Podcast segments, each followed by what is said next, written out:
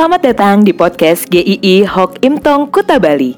Penginjil Ray Reginaldi akan membagikan renungan harian singkat untuk membawa Anda mengenal dan menyembah Tuhan Yesus, bertumbuh dan menjadi murid Kristus, serta berdampak untuk banyak orang. Jika Anda merasa diberkati melalui renungan ini, silahkan bagikan podcast ini agar orang lain juga diberkati. Inilah renungan hari ini.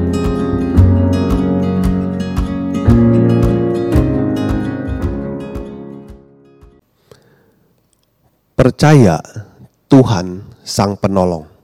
Ibrani 13 ayat 6a. Sebab itu dengan yakin kita dapat berkata, Tuhan adalah penolongku, aku tidak akan takut. Pengakuan iman rasuli, aku percaya kepada Allah, Bapa yang Maha Kuasa, Halik langit dan bumi, dan kepada Yesus Kristus, anaknya yang tunggal, Tuhan kita, dan seterusnya. Anda ingat pengakuan iman rasuli itu adalah kalimat awal yang kita ucapkan setiap minggunya di dalam ibadah. Pernahkah Anda memikirkan apa artinya ketika mengatakannya? Ya, pasti ini berhubungan dengan iman yang kita percayai. Bukankah itu juga berarti iman kita berhubungan dengan seluruh kehidupan kita?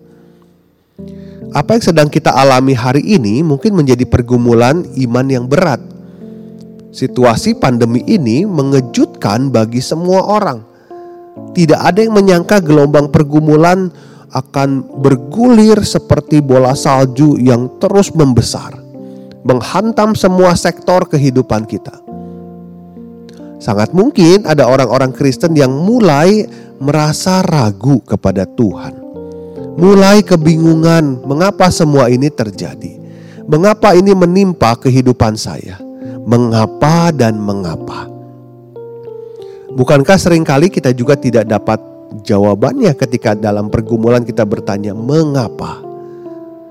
Tetapi pertanyaannya apakah Anda tetap mempercayai Tuhan sekalipun Anda belum punya jawabannya? Hidup orang Kristen di masa lalu tidak kalah sulit dibandingkan dengan kita hari ini.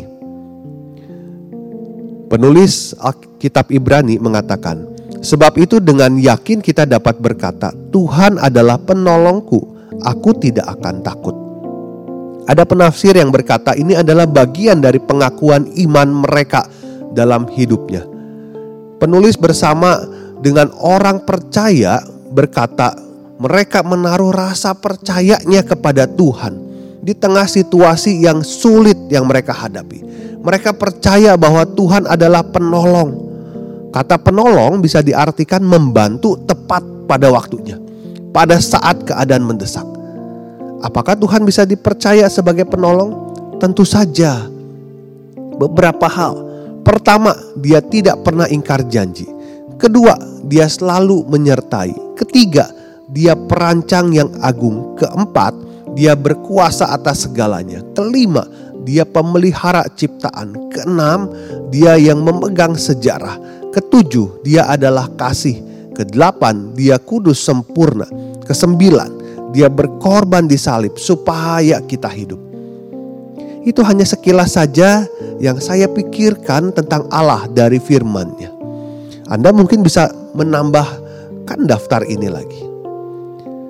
Karena kasihnya kepada kita, dia mati, memberikan nyawanya untuk kita. Masakan dia yang memberikan nyawanya, tetapi senang dengan kehancuran kita di dalam dunia ini. Dia bukan Allah yang lepas tangan atas pergumulan kita. Tuhan tahu sering kali kita tidak merasa mampu untuk menghadapi pergumulan kita. Maka dia selalu terlibat dalam seluruh hidup kita, termasuk dalam menghadapi setiap pergumulan. Dialah penolong yang bisa dipercaya. Dia mengangkat kita ketika jatuh. Dia hadir ketika kita merasa kesepian. Dia menolong membuka jalan ketika kita menemui jalan buntu. Dia menghiburkan kita ketika kita sedang berduka. Maka penulis Ibrani juga berkata, ketika kita yakin percaya bahwa Tuhan adalah penolong dan itu membuat kita tidak akan takut. Itu berlaku untuk hal-hal yang hari ini sedang kita hadapi. Juga termasuk hari-hari depan yang kita belum tahu akan jadi seperti apa. Apakah Anda takut hari ini? Ya, saya juga pernah dan kadang mengalaminya. Banyak orang percaya lain juga mengalaminya. Tetapi ketika takut, percayalah kepada Tuhan. Percayakan kepada Tuhan semuanya, jangan sisakan sedikit pun Percayakan pada Tuhan pergumulan keuanganmu, percayakan kepada Tuhan masa depan anak-anakmu, percayakan kepada Tuhan pasangan hidupmu, percayakan kepada Tuhan kesehatanmu, percayakan kepada Tuhan pekerjaanmu, percayakan kepada Tuhan semuanya. Tuhan ada di antara kami yang sedang takut. Tolonglah kami ya Tuhan. Kami percaya kepadamu. Аминь.